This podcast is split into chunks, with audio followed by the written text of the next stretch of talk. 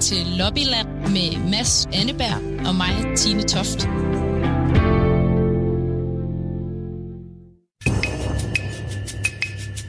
Det er jo helt vildt mange penge. Det er EU-regler, der er afgørende. Og så øh, skyder han dem i panden, ikke også? Og så stikker vi dem bagefter. Det, det er altid en legendarisk forhandling i EU-sammenhæng, og der, der slås man virkelig God eftermiddag alle sammen. I lytter til Lobbyland, øh, som er øh, vores program her på Radio 4, hvor vi prøver at se, om Danmark ikke kan få lidt mere ud af EU. Øh, og det er med mig, Mads Anneberg, og min, øh, min medvært, Tine Soft.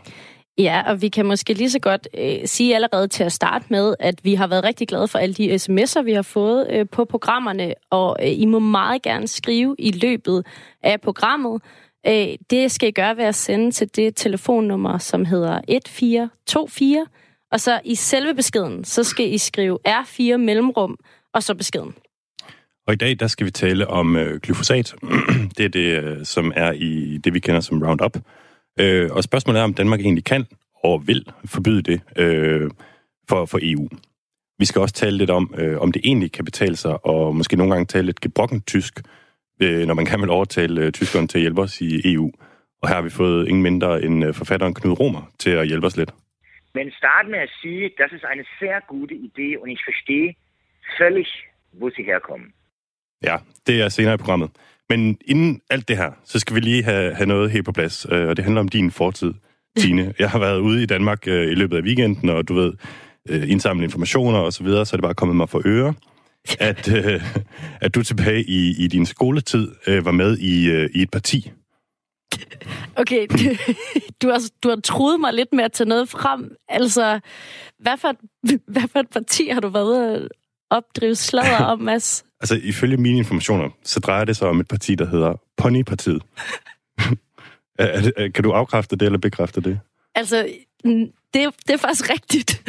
øhm, altså, det er... Ja, det er rigtigt. Altså, jeg har faktisk været med til at stifte et ponyparti, og det er der jo selvfølgelig en god forklaring på, Mads. Det er jo fordi, at øh, jeg gik til ridning i rigtig mange år, og det er ikke, al- altså ikke altid, de der heste har det lige godt.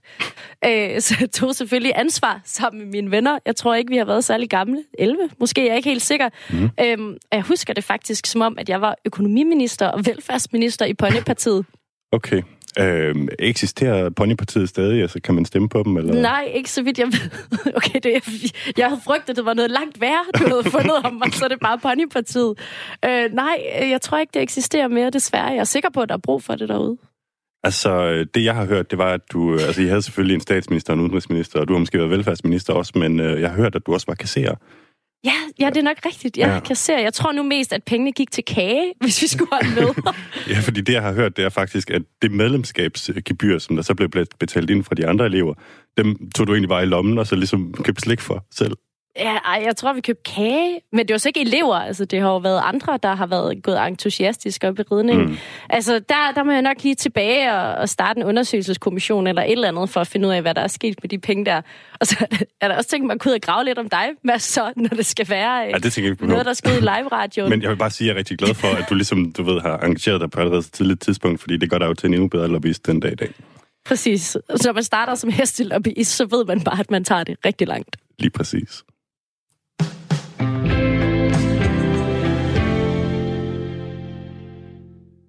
Og nu skal vi så til den del af programmet, hvor vi hver især har taget noget med fra det, der er sket i EU øh, i løbet af ugen, øh, og som vi ligesom har lagt mærke til. Øh, jeg starter med, med, med noget, som jeg lagde mærke til i sidste uge, øh, og det var, at der blev vedtaget noget, der hed en Climate Emergency i Europaparlamentet.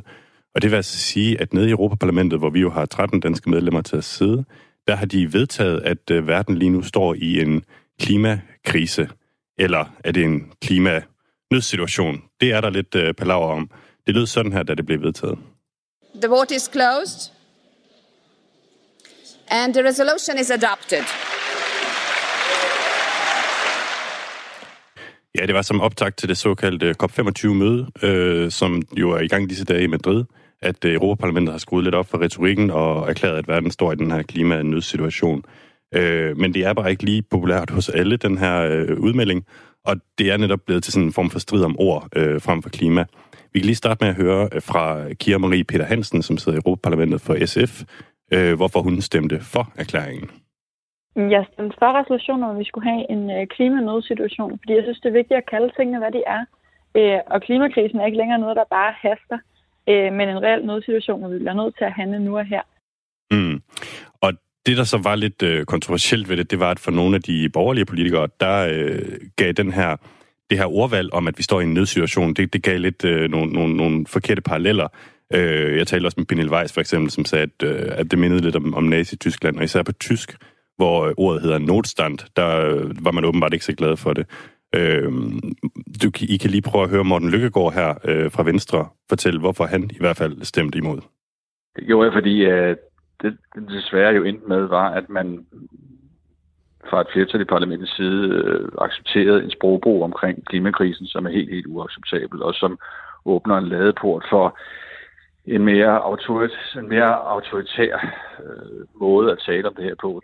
Det er jo sådan, hvis man kigger tilbage i historien, hvis man ellers er historisk bevidst, det er der desværre ikke så mange, der er. Men hvis man er, så vil man kunne se, at hver gang, at en diktator eller et autoritært regime ønsker at øh, afskaffe Øh, lov og ret og de almindelige regler, man følger, som, som alle i samfundet er enige om at følge, så tyrer man til, at øh, en sprogbrug, der handler om, at vi skal have en form for nødret, at vi befinder os i en ekstraordinær undtagelsestilstand af en eller anden art, som, som altså betyder, at man fra magthaverens side har ret til at suspendere øh, de regler, der gælder. Øh, det ser man, det så man øh, under nazismen, det så man under, under øh, kommunismen, og det ser man også rundt omkring i verden i dag. Og, og desværre har man jo det så man jo også, har man jo set med venstrefløjen før, flyttet med det her med at ophæve demokratiske rettigheder og hvad hedder det, forskellige regler, som vi lever efter, i forsøget på at øh, gennemtvinge en anden form for revolution eller revolutionsagt tilstand. Og det er jo ikke det, som den her klimakrise har brug for. Men der står jo ikke noget i resolutionen om, at, at, at man ligesom vil, vil, vil gøre noget. Altså, plus at det jo er Europaparlamentet. En, en, altså, kunne man ikke bare stemme for, hvis, hvis man gerne vil bekæmpe Selvfølgelig gør man det. Selvfølgelig skriver man ikke, at man vil det. Det vil da også være det mest tosset. Nej, man starter et andet sted. Man starter med at skabe en tilstand af panik.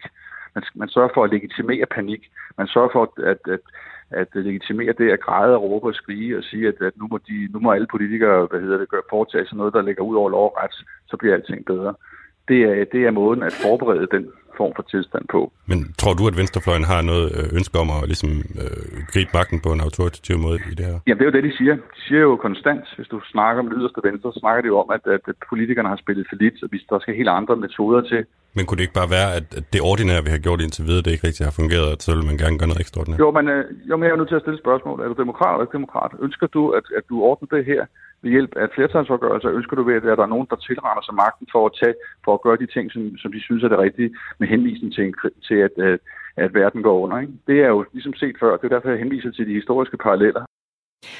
Okay, det er, er du demokrat eller ikke demokrat? Det er alligevel eh, ret intensivt, at Venstres Morten Lykkegaard her simpelthen siger, at det er, at Europaparlamentet har vedtaget, at det skal hedde en klimanødsituation. Det er simpelthen med at skabe panik det, øh, det er hans holdning til det, og derfor har han og, og resten af Venstre i Europaparlamentet øh, stemt imod. Det skal så lige tilføjes faktisk, at Søren Gade kom godt nok til at stemme for, som også sidder i Europaparlamentet for Venstre, men altså, han har så rettet det til imod. Og omvendt så kom Pernille Weiss fra de konservative til at stemme imod, men hun har så rettet det til for, hvilket er det, hun mente, fordi det viser sig, at nede i Europaparlamentet, så engang, det går virkelig hurtigt med de der afstemninger, ikke? og så især hvis du følger det via oversættelse, hvis nu for eksempel formanden han er italiener, øh, og så du gerne vil høre det på engelsk, jamen så kommer du måske lidt bagud, og så kan du komme til at trykke på den forkerte knap. Det... I Pernille Weiss' tilfælde, der er det faktisk også, fordi hun er venstrehåndet, og den her lille dims, den sidder over på højre side. Okay, det er også en lille belejligt en gang imellem. Så kan man egentlig altid sige, hvis man sidder i Europaparlamentet, ej, men det kan, jeg kommer bare til at, jeg kom bare til at stemme noget forkert. Ja, det kan man selvfølgelig også. Nå, vi skal lige øh, holde øh, hvad hedder det, fokus her, fordi vi er så nødt til lige at ringe tilbage til Kira Marie Peter Hansen fra SF, for lige at høre om, altså om det har noget på sig, det her med, at hun gerne vil øh, tilrense magten. Morten Lykkegaard han er jo bange for, at Venstrefløjen vil bruge det her som et uh, instrument uh, til, til en, uh, en, form, en form for magtovertagelse. Kan du afvise, at Venstrefløjen vil prøve at uh, tage uh, magten på en autoritativ uh, måde med det her? Ja, jeg synes, det er en helt vildt langt ud anklage. Der er jo ikke nogen uh, danske venstrefløjspartier, der ønsker at indsætte eller sætte demokratiet ud af spiller i stedet for at indsætte politi, bare fordi vi tager klimakrisen seriøst. Altså, det er jo fuldstændig langt ude. Okay, hun siger, hun afviser altså, at det er en måde at skabe panik og overtage magten. Det var så altså det, du havde med, som du har lagt mærke til her øh, i løbet ja, af ugen, Mads. lang historie kort. Verden befinder sig i en klimanødsituation, sådan er det. Okay, og øh, inden vi lige når øh, til det, jeg har taget med, så igen, hvis du har en holdning eller et spørgsmål til noget af det, vi taler om her i programmet, så kan du som sagt skrive ind til 1424, og så i din besked skrive øh, R4 mellemrum. Og jeg har faktisk et spørgsmål her, fordi når Europaparlamentet vedtager en klimanødsituation, gør det så nogen form for forskel overhovedet? Nej, det kan man jo øh, lige tage med. Altså, der kan godt være al den her diskussion om, hvorvidt det er det ene eller det andet ord, man bruger osv. Øh, sagen i det her tilfælde, det er, det har ikke nogen reel betydning. Øh, og, ja, det, det er for at sende et signal simpelthen. Eller skabe panik, Eller skabe mener panik. Morten Lykkegaard altså. Ja. Øhm, og det, jeg har lagt mærke til i den her uge, det er en artikel i Dagbladet Information. Det er Europakorrespondenten øh, Christian Bennike, der har skrevet artiklen Alvorlige problemer med EU's officielle meningsmålinger. Vi aner ikke, om det er sandt eller ej. Og det er altså en artikel, der handler om Eurobarometeret, som udkommer øh, løbende med spørgsmål fra alt til, hvor stor er tilliden til EU, øh, hvor glade er øh, EU-borgerne for EU. Og her er problemet altså, at han via agtindsigter har fundet ud af, at svarprocenten, altså dem, der svarer i de her undersøgelser, den er ekstremt lav i nogle lande. Eksempelvis er den helt nede på 15 procent i Tyskland. Og grunden til at have stusset så meget over det her, det er jo fordi, vi tit ser øh, meningsdannere og politikere og andre, også medier, altså dele nyheder om, hver gang Euro, altså Eurobarometeret kommer med en ny undersøgelse. Altså det kan for eksempel være, igen, Venstres Morten Lykkegaard, der jubler over, at 78, øh, 78 procent af danskerne er glade for frihandel, eller kommissionen fortæller, at europæerne er glade for EU's tilstand. Og de her eurobarometer, det er altså noget, der løbende kommer frem om, hvor godt vi kan lide EU i de forskellige lande. Ja, men man ser det jo ofte i, i medierne, men du, nu, nu sagde du det her med, at i Tyskland, der var det kun 15 procent af de adspurgte, der rent faktisk havde svaret. Men hvor mange skal det ligesom være, før det giver mening? Altså, i, øh, i artiklen til information, der er der nogle eksperter, der siger, at det skal gerne ligge om omkring en 45-50 procent i sådan nogle meningsmålinger, før vi kan begynde at sige, at det er repræsentativt. Og problemet her er altså ikke bare, at det er lavt, men at det er faldet. Det vil sige, når man sammenligner over år, hvis det så falder, så kan det være problematisk at sammenligne, øh, sammenligne hvad EU-borgerne egentlig mener om det ene og det andet. Og jeg ringede så til en af øh, eksperterne i artiklen, det er Kasper Møller Hansen, som er professor i statskundskab på Københavns Universitet. Han har set materialet, og jeg har altså spurgt ham, hvor problematisk det her er. Jamen, det er jo meget problematisk. Det giver jo rum for, at øh, der er en masse, der ikke har svaret, og øh, hvis den gruppe, som vælger ikke har svaret, som så er, er meget stor, så får man jo et helt forkert billede af, hvad befolkningen faktisk mener om alle de her ting, som Eurobarometer spørger til igen og igen. Det er jo bare en meningsmåling. Så hvad er egentlig det negative, øh, der kan komme ud af, at der er så mange målinger, der viser, at opbakningen til EU er, er høj? Det er hvis nu det er forkert. Det, det siger vel sig selv, hvis man bliver ved med at, og kan man sige, at, at, at, at tegne et billede af, at europæerne mener det, men, men faktisk den generelle befolkning i Europa mener noget helt andet, så står vi jo i en situation, hvor vi sådan set har, har igen og igen skaber et billede, som er forkert. Og hvis så, at man kan sige, politikerne eller borgerne, eller også, kan man sige, alle reagerer på det her forkerte billede, altså så er det jo nøjagtigt samme måde, som hvis man bragt en forkert nyhed. Altså det skal der hurtigt muligt rettes, og det skal der, kan man sige, øh, valideres, og det skal gøres bedre. Man skal jo ikke bare blive ved med, kan man sige, at, at tegne det forkerte billede, hvis det reelt set er, er, er helt ved siden af. Når vi ser den lave svarprocent, er der så noget i det, som tyder på, at svarene skulle blive mere EU-positive, eller kan vi overhovedet sige noget om det? Det er jo svært at sige, for vi ved jo ikke, hvordan det ville have set ud, hvis øh, et repræsentativt udsnit havde svaret. Men hele legitimiteten i undersøgelsen ligger jo i, at vi er sikre på, at den er repræsentativ. Og udgangspunktet her, så har vi bare skabt enormt stor rum for, at den kan blive, at det, kan man sige, at mennesker med specielle holdninger, der, kan, der vil svare. Vi ved så for os fra en masse anden forskning, at dem, der har lyst til at deltage i survey, det er for eksempel, at det er de højere uddannede. Vi ved, at de højere uddannede er mere EU-positive end de kortuddannede. Vi ved, at dem, der har interesse for EU, hellere vil deltage end dem, der ikke har interesse for det, og vi ved også, at dem, der har interesse for EU, er igen mere positive. Så, så vi har en masse indikatorer for, der siger, at, at der er stor fare for, at man trækker den i den retning, der hedder, at, at man tegner et billede, som er mere EU-positivt, end man ellers ville have set. Øh, hvis man så sidder som politiker, eller tænketank, eller myndighed, eller meningsdanner, og der kommer øh, en af de her målinger ud fra Eurobarometeret, skal man så øh, lade være med at dele det? Ja, det er jo et spørgsmål. Altså, man kan sige, det er jo, på en måde er det jo det bedste svar, vi har, fordi selvom at det er dårligt, så er det stadigvæk det bedste, vi har. Men det, som der jo desværre sker, det er jo ret hurtigt, så kan sådan nogle historier enten gå viralt øh, øh, på den ene eller anden måde, og det gør så lige pludselig, så kan vi altså lige pludselig få et billede af, at nu er europæerne så skeptiske, eller nu er de så positive over for et eller andet, og hvis det sådan set er et forkert billede, så, så er der simpelthen behov for en masse fodnoter, som desværre jo forsvinder, kan man sige, i, i, kan man sige, over de sociale medier og gennem nogle hurtige overskrifter.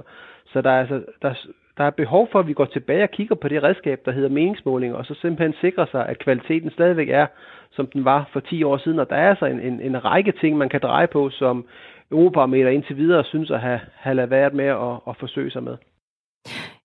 Ja, altså noget af det, som er interessant her, er altså, at Kasper Møller Hansen øh, peger på, at det kan være, at når svarprocenten er så lav, så nogle af dem, der vil bruge lang tid på at tale med EU-barometeret, som foretager deres meningsmålinger ved at tale med folk i deres hjem, nogle af dem, der vil bruge tid på det, øh, er typisk højt uddannet, og det er typisk nogen, der er mere EU-positive. Altså, at man på en eller anden måde kan få øh, risikerer at få et oppustet billede af, hvor meget øh, tillid og glæde der er ved EU-projektet. Og han siger så, altså, det påvirker hvordan vi agerer derefter.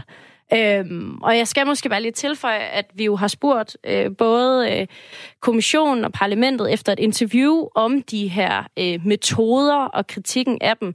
De øh, har ikke vendt tilbage nu og siger, at de er stadig lige ved at se på detaljerne af dem. Det kan være, at vi får et øh, interview med dem på et andet tidspunkt. Jeg synes i hvert fald, det er ret vigtigt, det her. Ja, det er helt klart. Og øh, jeg kan lige gentage, at øh, hvis i sidder derude og har en, øh, en holdning eller et spørgsmål øh, til det vi, øh, det, vi taler om her i programmet, så kan I skrive ind på 1424, hvor I starter jeres besked med R4 og så et, øh, et mellemrum. Og det kan jo selvfølgelig også være, hvis I har informationer om det nu hedengangne Bonnie-parti. Og så skal vi faktisk videre til øh, dagens store emne, som er øh, Roundup eller glyfosat. Og for lige at få sat øh, scenen her, så har jeg faktisk været ude ved min øh, go-to-guy, når det, når det kommer til, til Roundup. Øh, det er min 92-årige farfar. Det, det kommer her. Er vi klar? Ja, klar. Ja. Det var godt. Lad os komme ud og kigge på det. Jeg har jo de to potteplanter ude i øh, bilen. Jo. Hvor har du Roundup'en til at stå hen? Er det ude i værkstedet, eller? Ja, ja der, der står sådan en lille sprit derude, altså. Sådan. Og så har vi en der, ja. Jeg kan sige, jeg står jo her med min, øh, med min farfar ude i Vestjylland, og øh, jeg har været op og købe to julestjerner, fordi det er blevet jul. Og den ene, den skal have en, øh, en omgang Roundup. Øh, vi skal simpelthen lige teste, hvad det i det hele taget gør. Skal vi stille dem ned på fliserne her? Ja. Okay. Du står klar her med en, øh, med en orange bøtte. Hvad er det for noget, hvad er det for noget Roundup? Hvor, det, hvor stærkt er det? Det er, det er blandet ja, 1 til, 1 til 10. Og hvis vi bruger med fornuft, så tror jeg, altså helt sikkert, til der er nogen grund til at, at lave alarm over det. Hvad bruger du uh, Roundup til i det hele taget? Det er ukrudt og efterafgrøde, altså øh, alt, øh, alt vegetation, som, som øh, vi ønsker. Skal vi, øh, skal vi gå i gang? Er det den over til venstre, vi, øh, vi tager, eller hvad? Ja, det kan vi, ja. Skal vi prøve at sprede lidt over ja. af bladet?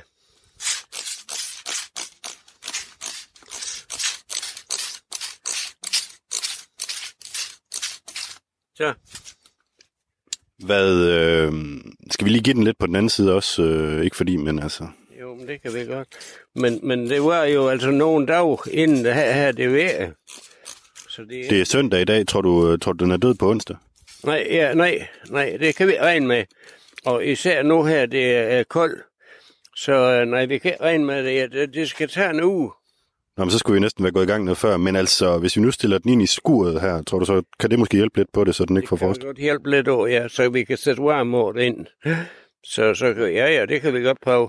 Nu, jeg ved ikke noget om Roundup, men lige for en sikkerheds skyld skal vi lige være sikre på, at den også har fået lidt ned i, uh, ned i jorden der, altså ned til rødderne. Jamen, det, det, det er altså ingenting. Det, men nu spreder vi ned i år. Godt. Tror du, den har fået nok nu?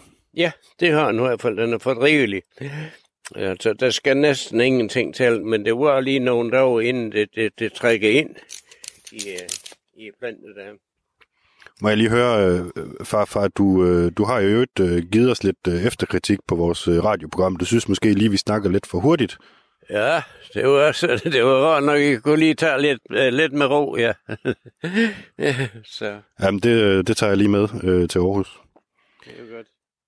Godt. Øhm, nu er den jo helt øh, fedtet ind i Roundup, den her. Hvordan skal vi lige gribe den an? Vi skal lige, vi, bare- vi sætter den lige ind i skuet, der, og så tænder vi lige for varmen derinde. Og den anden der, den skal du selvfølgelig bare huske at lade være med at sprøjte med, med Roundup for guds skyld, fordi så, øh, så kan vi jo se, om der i hvert fald er nogen forskel på, øh, på onsdag. Så skal vi bare vente og se. Men så skal vi have kaffe. Nu skal vi have kaffe. ja, det skal vi da. Efter dig. Jeg er sikker, du kan lukke.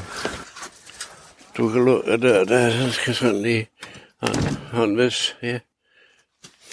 Sådan, øh, sådan. Det kunne jeg godt. Sådan, ja, så kunne du godt det. Du er helt ubegavet. tak. Fedt, du har det med, hvor han siger, at du ikke er helt ubegavet. Ja, jeg skulle lige til at sige, at det var altså min, øh, det var min farfar øh, Willy, og for folk, der måske har det lidt svært med den vestjyske dialekt, så er hovedkonklusionen ligesom A, jeg er ikke helt ubegavet, og B, han bruger Roundup til, til, til ukrudt. Og øh, han vil, altså, vil ikke have det forbudt, eller hvad? Nej, det tror jeg simpelthen ikke. Altså, han, han, han bruger det jo, du ved, i, i et eller andet omfang, og det, det har jeg indtryk af, det, det er der jo mange, der gør. Altså, mm. han er også gammel landmand, og, og altså, i, i landbruget, der bruger man det jo øh, enormt meget her i Danmark. Øh, og vi, altså, grunden til, at vi, vi tager det her emne op i dag, det er jo fordi, der har været en, øh, sådan et øh, borgerforslag, hvor øh, mere end 50.000 danskere har skrevet under på, øh, at vi skal have et øjeblikkeligt stop for, for forsalget af det her mm, ukrudtsmiddel til, til, til brug i private haver og på offentlige fællesarealer. Og Roundup, det er jo verdens og EU's øh, mest brugte øh, sprøjtemiddel. Mm. Og jeg ved også, at vi vender tilbage til din bedstefar øh, senere i programmet, for at høre, hvordan det er gået med de der, eller den ene julestjerne i hvert fald, som altså er blevet sprøjtet til Ja, øh, med Roundup.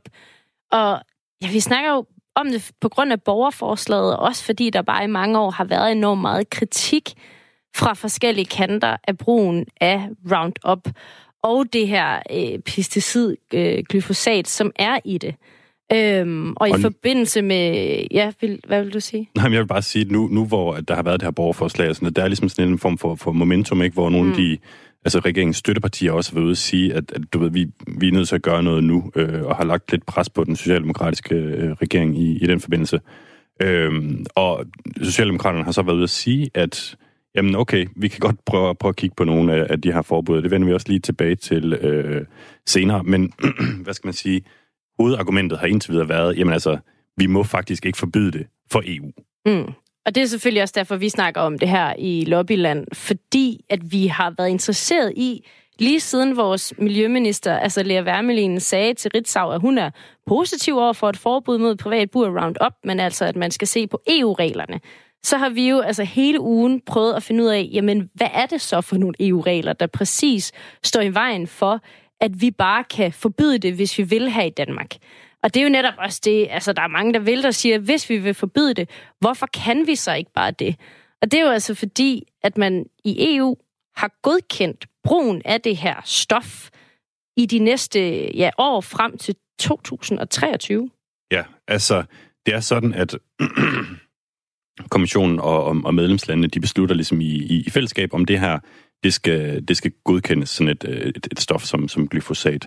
Øh, sidste gang det var oppe, det var i 2017, og øh, der stemte Danmark også for, at, at, at det her, det skulle øh, for, forlængelsen den her øh, godkendelse til at bruge Roundup, og det er den så blevet frem til december 2022. Og det er sådan noget, altså det er 65 procent af landene, der ligesom skal sige ja, og det var 65,17 eller sådan noget, der sagde ja, fordi at Tyskland til sidst nærmest vendte på en tallerken, der var uenighed i den tyske regering.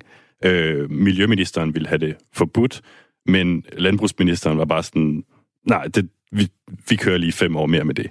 Øh, så det var tæt på, at det blev forbudt faktisk tilbage i 2017, og næste gang det så skal op øh, til revurdering, det er i 2022. Ja, man skal måske lige sige til Danmarks øh, situation i det her, at der også har været lande, der gerne ville have en 10-årig godkendelse, altså som at måtte sprøjte med det her, øh, ikke kun til 23, men 5 år mere. Der øh, var Danmark og andre lande imod, så det kun i gåsøjen blev 5 år, altså til, til 2023. Ja, men hvad er det så for en proces, der ligesom foregår nede i EU? Fordi den, er faktisk, den skal til at i gang igen nu her frem mod 2022, øh, hvor man skal vurdere, jamen altså, er det her stof øh, farligt? Øh, vil vi gerne blive ved med at bruge det? Har vi nogle gode alternativer osv.? Og det viser sig faktisk, at vi har en, en dansker placeret på en ret høj post øh, nede i EU, øh, på det, der hedder EU's kemiagentur. Han hedder Bjørn Hansen, og ham har jeg lige taget en snak med for at prøve øh, ligesom gå lidt bag om, om, om scenen her, for at se, hvad der fungerer i sådan en, øh, eller hvad der sker i sådan en godkendelsesproces. Det er Bjørn her. Hej Mads. Hej Bjørn. Du er rigtig tæt på, så det er altid. Okay, det er glimrende. Hvad hedder det? Tak fordi du vil være med. Det er jeg meget glad for. Det var blandt andet en vurdering fra, fra dit agentur, øh, som lå til grund for, at tilladelsen til at bruge glyfosat i EU blev forlænget frem til 2022. Øh, var det fordi, I vurderede, at glyfosat er ufarligt? Nej, nej, det er det ikke. Men øh, lad mig lige forklare en lille bitte smule, hvordan det, det foregår. Det er, er øh, der er to skridt i bedømmelsen eller i, i øh, godkendelsen af den aktive ingredient øh, glyfosat. Det første skridt er, at man kigger på farligheden. Det vil sige, at man kigger kun på stoffet, man siger ikke, om den farlighed faktisk er en risiko eller ikke. Vi kigger kun på farligheden. Det er det, vi gør i, i Kemikalieagenturet i Helsinki. Og hvis vi tager vores del af den her øh, system, så kigger vi på farligheden af glyfosat, og vores konklusion er, at øh, glyfosat er ikke kraftfrembringende, men det er farligt for miljøet. Og hvordan er det farligt for miljøet? Det er, at det, det kan, kan øh, øh, forstyrre øh, de levende organismer, så fisk eller, eller, eller øh, andre organismer i miljøet, hvis de bliver udsat øh, for glyfosat. Det vil sige, at glyfosat kan øh, i sig selv være farligt for organismer i miljøet. Om der faktisk er en risiko øh, til organismen i, i, i miljøet, det kommer an på koncentrationen, som er derude, når man bruger glyfosat. Og den vurdering, den, det er den, som, som Fødevareagenturet i, øh, i, i Parma har gjort. Øh, og vi ser kun på, om der er en mulighed for glyfosat at gøre skade på miljøet. Øh, jeg er faktisk ikke helt sikker på, at jeg fanger forskellen her. Altså, øh, hvad er forskellen helt præcist, når vi faktisk ser, at der er forskel på de forskellige myndigheder rundt i verden, hvor farligt de egentlig vurderer, at det her er? Mm. Altså, vi kan starte med at sige, jamen altså, som Bjørn siger her, så er der to ting, øh, man ligesom skal undersøge i EU-systemet, før at en godkendelse kan gives. Og det som Bjørns agentur, altså kemiagenturet, sidder og kigger på, det er, at det her stof i sig selv farligt? Altså kan det i princippet være farligt? Øh, og så sidder de og kigger på, jamen, altså, er det farligt for miljøet? Er det farligt for øjnene på, på, på mennesker? Er det, er det kraftfremkaldende? Øh, og så videre.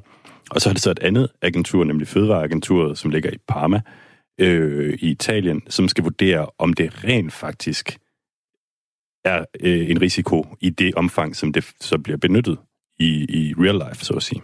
Mm, så det er der forskellen er, fordi der jo også, altså når vi sidder og ser på det, så er det jo også fordi, der har været nogle sager i, i USA, og vi har WHO, altså FN's sundhedsorgan, som har konkluderet, at stoffet sandsynligvis er kraftfremkaldende i mennesker, hvorimod altså EU's agentur for fødevaresikkerhed, EFSA, vurderer, at det ikke er sandsynligt. Altså det er jo også derfor, at den her diskussion bliver teknisk og intens, fordi der ikke er de samme vurderinger, fordi de måske ikke helt måler på præcis det samme.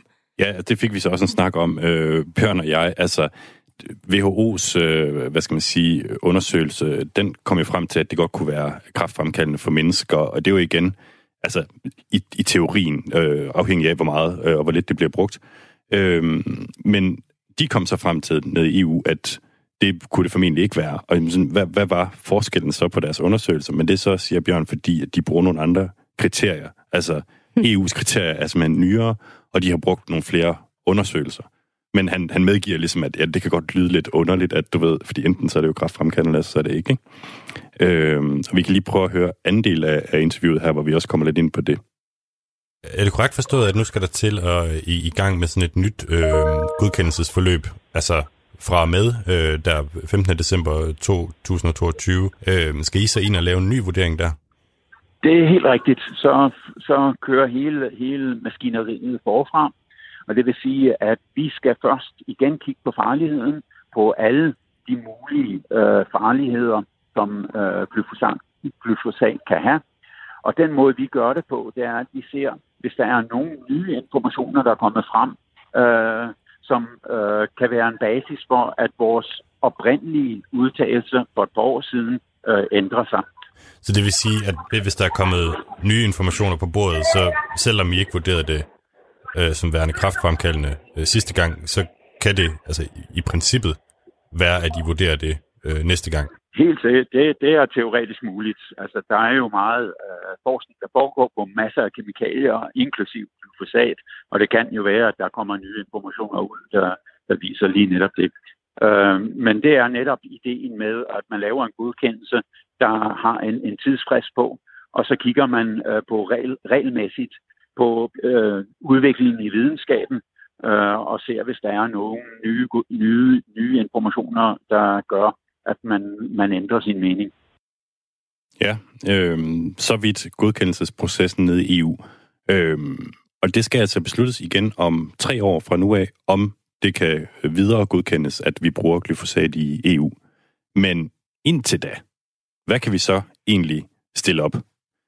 Altså, først og fremmest, Tine, så kan vi jo sige, det er helt lovligt ifølge EU-reglerne at forbyde det til private. Altså for eksempel, du ved bare folk, der går rundt og sprøjter Roundup ud i haven. Altså så din bedstefar ikke kan gå ned og købe det på hylden, for eksempel? Ja, ja han skal nu nok finde noget et eller andet sted, øh, lige præcis. Men altså, øh, men ja, lige præcis. Og så har vi øh, også mulighed for at, at ligesom lade være med at bruge det på offentlige arealer. Altså det vil sige, når nu staten, kommunerne og regionerne øh, skal bekæmpe ukrudt, så kan de jo bare lade være med ligesom at bruge Roundup. Mm, og det er faktisk noget af det, vi har siddet, og jeg har faktisk siddet i dag bare gennemtrævlet Miljøstyrelsens rapport om det her fra 2016. Øhm, og noget af det, man kan se, det er, at Øh, det for eksempel er Bane Danmark, der bruger rigtig meget af det her. Det er stadig lidt uklart præcis, hvor meget.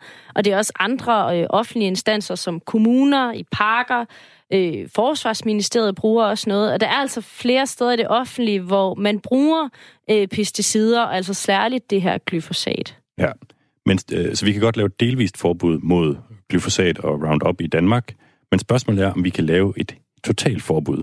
Øh, og der har den konventionelle viden jo været, at det kan vi altså ikke på grund af EU-reglerne, som siger, at du ved, når det først er godkendt i EU, så, så er det godkendt i EU. Ikke? Øh, men så er der så sket det interessante, at Østrig er gået ud og har sagt, jamen øh, de har vedtaget en lov, som forbyder glyfosat totalt øh, her fra, fra 1. januar. Ja, og det, var, det er faktisk lidt interessant, fordi det er jo mandag, det her tigger ind for os. Vi sidder og kigger på de forskellige lande, og vi kan se, at vores miljøminister, altså den socialdemokratiske Lea Wermelin, hun har sagt, at vi skal kigge på, hvad de gør i Østrig og Tyskland. Og så er det simpelthen, øh, i forgår, så tækker det simpelthen ind, at Østrig øh, på en eller anden måde siger, at de har fået grønt lys. Og så begyndte vi bare at kigge på det her, hvad er det egentlig, der er sket i Østrig? Og det er faktisk, altså det er enormt EU-teknisk, øh, meget typisk for det her. Fordi det vi så finder ud af jo, altså da du skriver til kommissionen, det er jo, at det er fordi Østrig ikke har fået svar at de, nogen i hvert fald i Østrig tolker det som grønt lys til at gå videre med et totalt forbud mod det her. Ja, altså, de har vedtaget en lov, så har de øh, ligesom bagefter sagt til EU-kommissionen, at vi skal lige være opmærksom på, at vi har vedtaget den her lov, som kan være i strid med hmm, det ene og det andet. Øhm, og så har EU-kommissionen ikke givet den type svar, hvor man tænker, om det må vi i hvert fald ikke. De har tværtimod bare givet en kommentar. Og så er spørgsmålet, hvad betyder det, at EU-kommissionen har, givet, har gjort det her? Øh, og vi talte med, øh, med, med en fra, fra Greenpeace, som hedder Franziska Achterberg, nede i øh, EU.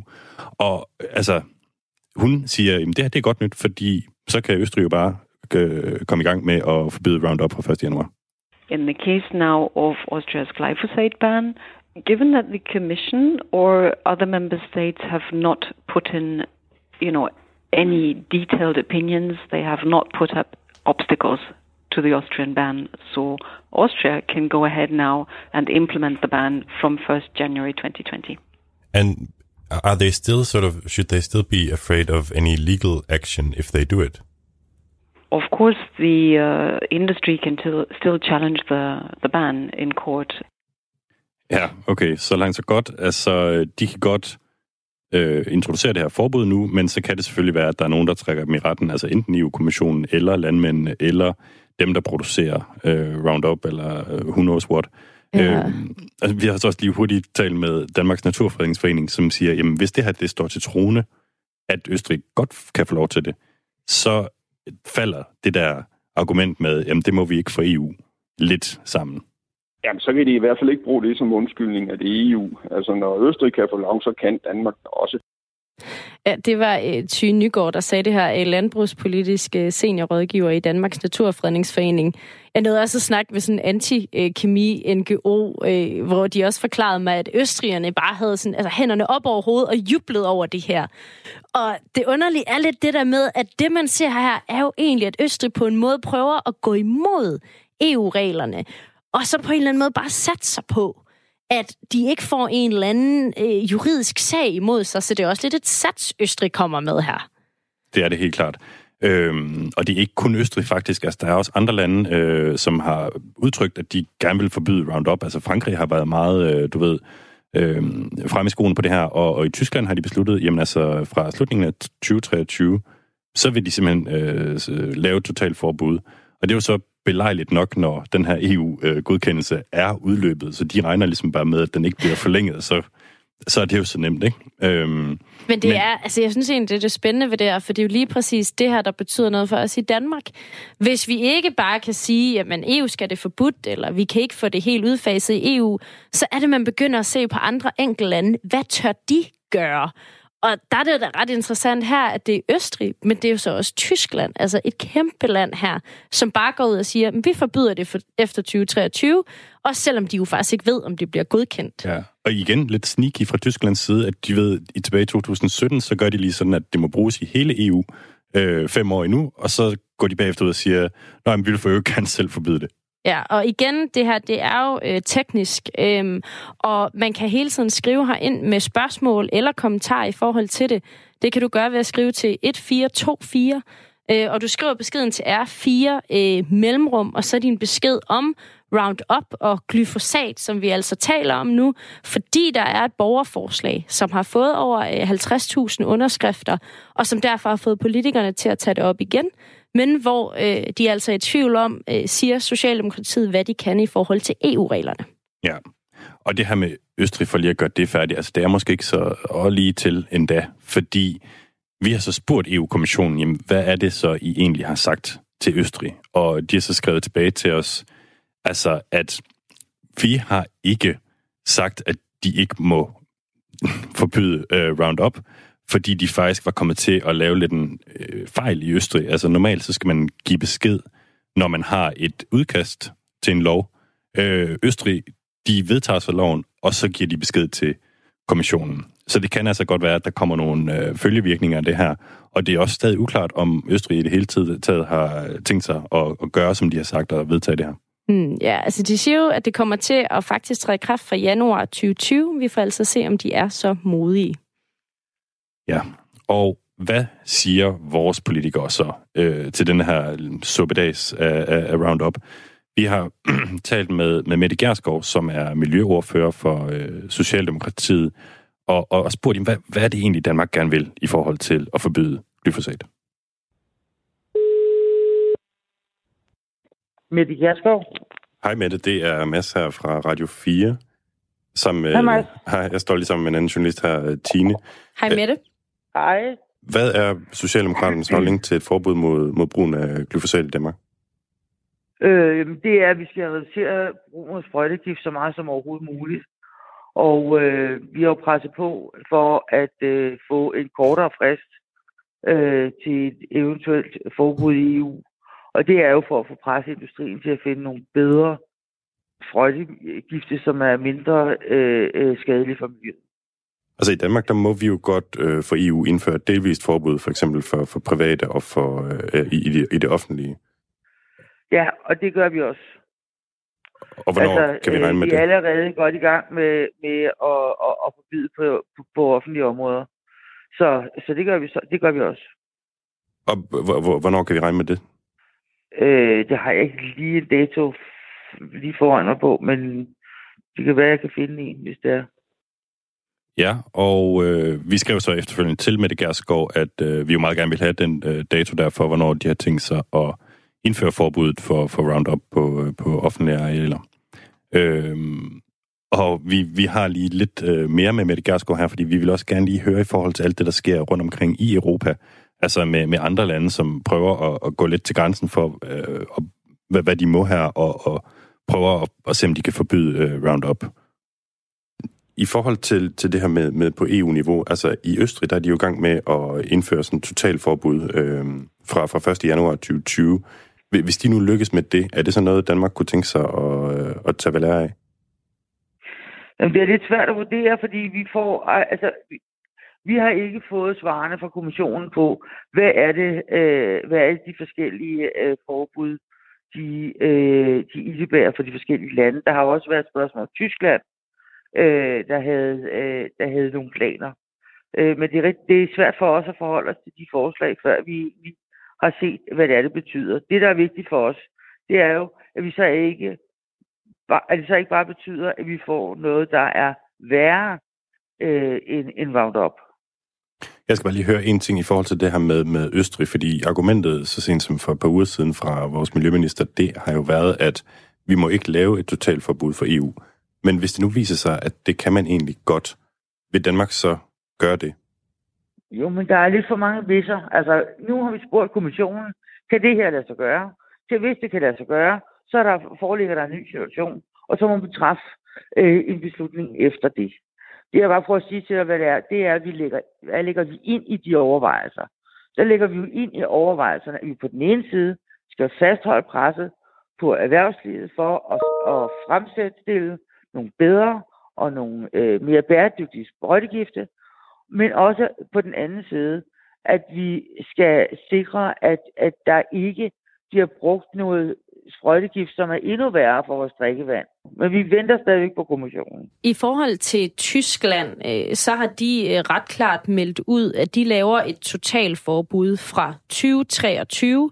Skal Danmark også arbejde for det? Altså vil Socialdemokratiet også have et forbud i 2023? Jamen, det er jo i hvert fald det, vi har jo arbejdet på øh, indtil videre. Øh, og det har jo netop været for at øh, øh, lægge et øh, pres på, øh, øh, på, på erhvervet. Vil det sige, at Socialdemokratiet kommer til at vedtage et forbud mod glyfosat i 2023? Det ved jeg ikke. Øh, det kommer jo an på, hvordan situationen ser ud på det tidspunkt. Altså, hvis det, at vi forbyder glyfosat, betyder, at vi får nogle værre sprøjtemidler i, i brug i Danmark, øh, så er det jo en vurdering værd, om det så er bedre at beholde glyfosat. Øh, det må vi jo se til den tid. Lige nu prøver vi bare at presse på for at få nogle bedre, øh, for at få nogle bedre sprøjtegifte. Men Mette Gerskov, øh, nu siger du det for at presse erhvervslivet. Tyskland har jo netop allerede vedtaget det forbud mod glyfosat i 2023, for at fortælle erhvervslivet, at fra det tidspunkt kan de ikke længere bruge det. Hvorfor gør Danmark ikke det samme? Og men sagen er den, at vi faktisk øh, i Socialdemokratiet og resten af Røde Blok fik presset den tidligere regering til at arbejde for en kortere godkendelsesperiode. Og det betyder, at det faktisk lykkedes at få det besluttet i EU, og at øh, glyfosat kun blev forlænget i fem år, i stedet for med de 10, der lå øh, på bordet. Så jeg tror ikke, der er nogen tvivl om, hvad vi mener om gly- glyfosat. Det var simpelthen, Øh, men vi vil øh, gerne Mette være Gerskov, det var bare ikke helt det, jeg, det, jeg spurgte om. Jeg spurgte, nu hvor Tyskland allerede har vedtaget forbuddet mod glyfosat i 2023 for at presse erhvervslivet, hvorfor gør vi ikke det i Danmark? Fordi vi skal vi er nødt til først at finde ud af, hvad er det, der ligger bag det forslag? Er det nogle særlige regler, Tyskland har? Hvad har, er konsekvenserne så i landbruget? Hvis de nu med det samme for, forbyder glyfosat, hvad har tysk landbrug så tænkt sig at gøre? Hvad, hvad, hvad for nogle sprøjtegifte vil de så bruge? Er det noget, vi gerne vil i Danmark? Det kommer an på, hvad det er, der er konsekvensen i Tyskland. Så det vil sige, at Danmark har ikke tænkt sig at være et forgangsland på det her, men ligesom venter og se, hvad der sker i de andre lande. Ja, Danmark har presset, Socialdemokratiet har presset på for at få en grænse for, hvornår, hvor lang tid man må bruge glyfosat i EU. Jo, der har vi virkelig været foregangsland. Men vi skal jo først lige se de konkrete ting fra kommissionen, før vi kan sige, om det vil være lovligt at gøre i Danmark, sådan som vi har gjort, eller vil gøre i Tyskland og Østrig, og de overvejelser, vi har hørt om. Men vi har kun hørt dem som overvejelser. Vi har ikke set det konkrete fra kommissionen. Det var altså øh, Socialdemokratiets miljø ordfører Mette Gerskov. Øhm, og vi har selvfølgelig også talt med altså, Landbrug Fødevare, faktisk også været i kontakt med det tyske landbrugsorganisation, også, som jo mener, det vil være skadeligt at forbyde det på den her måde. Øhm, og det har vi faktisk også fået en sms om. Det er Sten Palvi, der skriver, enåret støtte til at få Roundup forbudt. Det virksomme stof er biologisk nedbrydeligt, og hvad er alternativet? Øhm, og spørger man Landbrug Fødevare, jamen, så har deres øh, Landbrugets Innovationscenter, SEGES hedder det, også estimeret tab på cirka 1 milliard kroner årligt ved et forbud mod glyfosat i Danmark.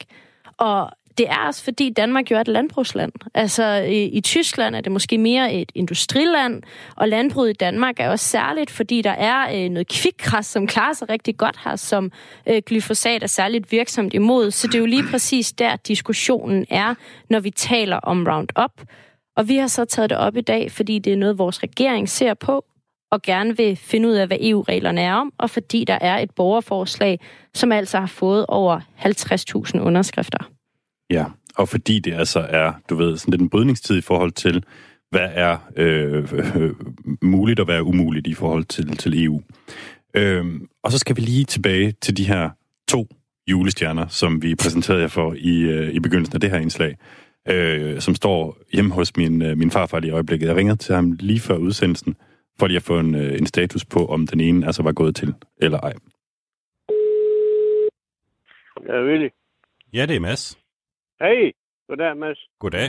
Altså, jeg vil egentlig bare lige høre, om øh, du gad gå ud i skuret der og se, om øh, hvordan vores øh, to planter der har det. Jamen, du, øh, ja, det, det, der har vi du. Jeg har også skrevet til dig. Nå, okay. Men der, der, der, der er ingen reaktion. Nå, det var da ikke så godt. Men så det vil der, sige... Der, der, der, der er ingen reaktion i dag, i dag i hvert fald. Okay. Sådan, nej. Altså slet ikke, når du kigger på den. Du kan slet ikke se noget. Overhovedet, nej. Det er det. Altså, den er helt frisk øh, at se over. Så, Ja, ja. så Nå, det men ved er- du hvad? Øh, vi, øh, vi, vi, vi tjekker op på det lidt senere og ser, hvordan det går med den. Jamen, øh, det gør en masse, så vi ser lige så hvordan. Ja, ja. Vi ser, hvordan det går. Tak skal du have. Ja, god fornøjelse med, med det i dag, ja. Øh, Okay, vi følger op på Roundup og julestjernerne. Hvis man ved mere om det her, kan man også skrive til vores e-mail øh, lobbyland radio 4dk Og nu skal vi til noget lidt andet. Leider sind nicht alle da, ein paar Leute sind zu wenig. Sie kennen diesen Tag im Jahr und deshalb auch den König. Die noch da sind, sind sehr blass schauen sehr benommen. Andere brechen durch den Garten, den ist das Essen nicht bekommen. König Ja, det vi hører her er lidt tysk, fordi at øh, som man faktisk også kan høre i alt det, vi taler om, så handler det jo ret tit om Tyskland. Og vi har været i ret mange diskussioner om, hvor, øh, hvor godt skal man kunne tale tysk for at lave interviews på tysk. Øhm, og en af de ting, som jeg sådan lidt har talt for, det er, at det er fint med mit lidt gebrokne tysk, øh, som jeg har lært, fordi jeg har studeret et halvt år øh, i Leipzig på et tidspunkt. Øh, og vi har også diskuteret det med vores øh, vært på Tysklandsprogrammet, Genau, som er ham tirsdagen, Thomas Schumann, som i sidste uge havde sådan et helt program om, hvor vigtigt det er at tale rigtig godt tysk. Øhm, og det er jo også bare noget, vi har opdaget, at vi kan ikke komme udenom Tyskland. Altså det er lige meget, hvad vi snakker om. Det kan man bare ikke. Altså enten så skal vi bruge dem ligesom som allierede til at få et eller andet, for vi talte om det i forbindelse med, med at forbyde benzin- og dieselbiler.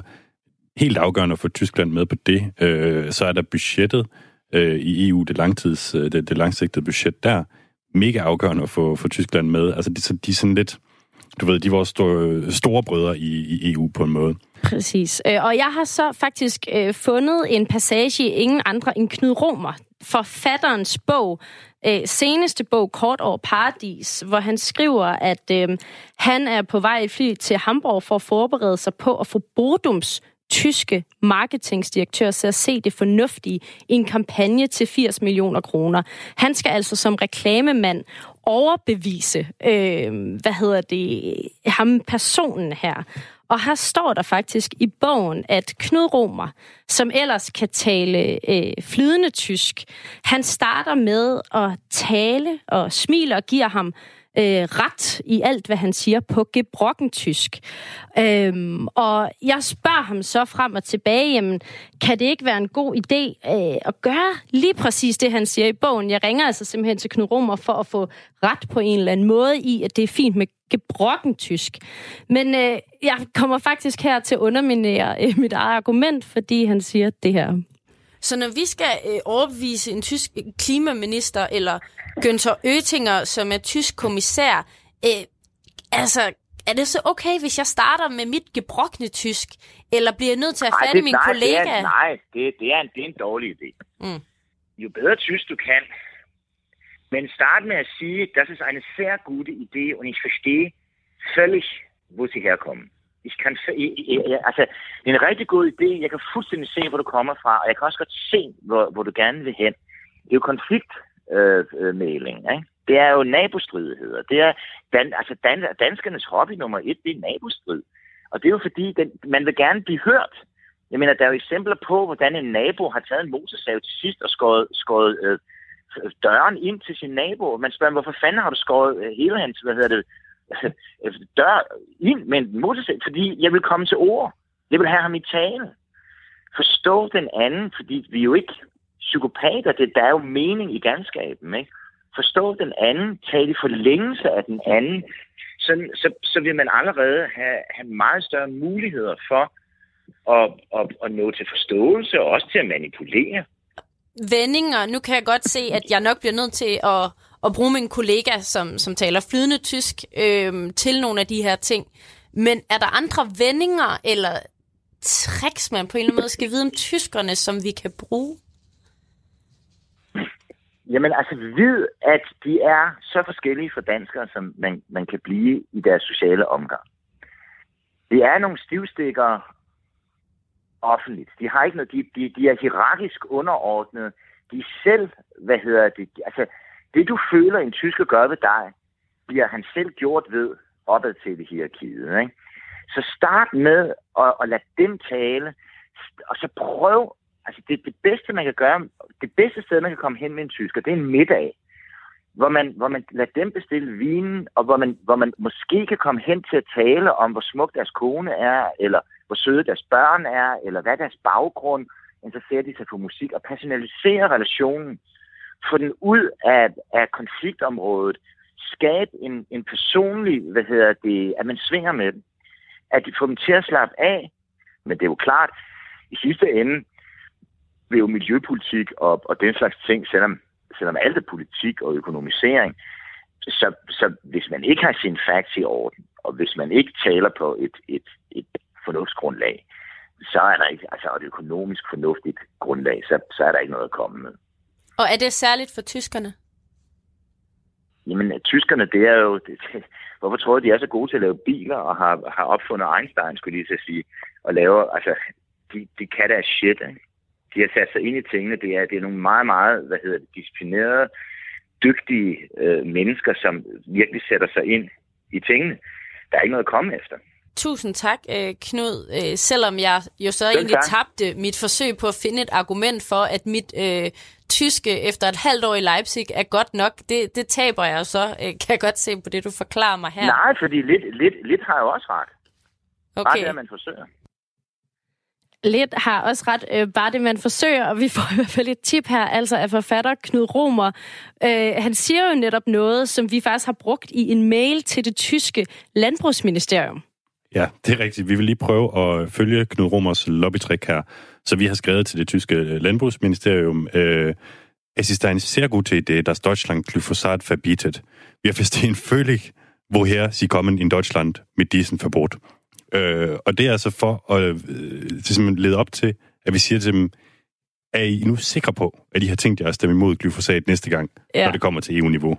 Og vi har faktisk også fået et, øh, et svar tilbage. Ja, jeg kan lige hurtigt øh, sige, at vi har fået et svar. Øh, Særke er det fra Toft, øh, skriver de øh, til min mail, og de siger, at vi er fuldstændig enige i, at glyfosat skal forbydes fra øh, 2023, øh, og det bliver vi ved med at kæmpe for, øh, både i Tyskland, som altså går forrest her, men også i hele EU. Øh, så vi tager altså gerne imod tips, også fra Knud Romer øh, senere hen i den her lobbyproces. Med Bodum lykkedes det ham altså med sin taktik, som man kan læse om i bogen Kort over Paradis. Øh, det kan jeg varmt anbefale. Og så kan vi jo bare sige, at i hele tiden kan skrive ind til lobbyland radio4.dk, fordi det var simpelthen alt, hvad vi nåede her i dag.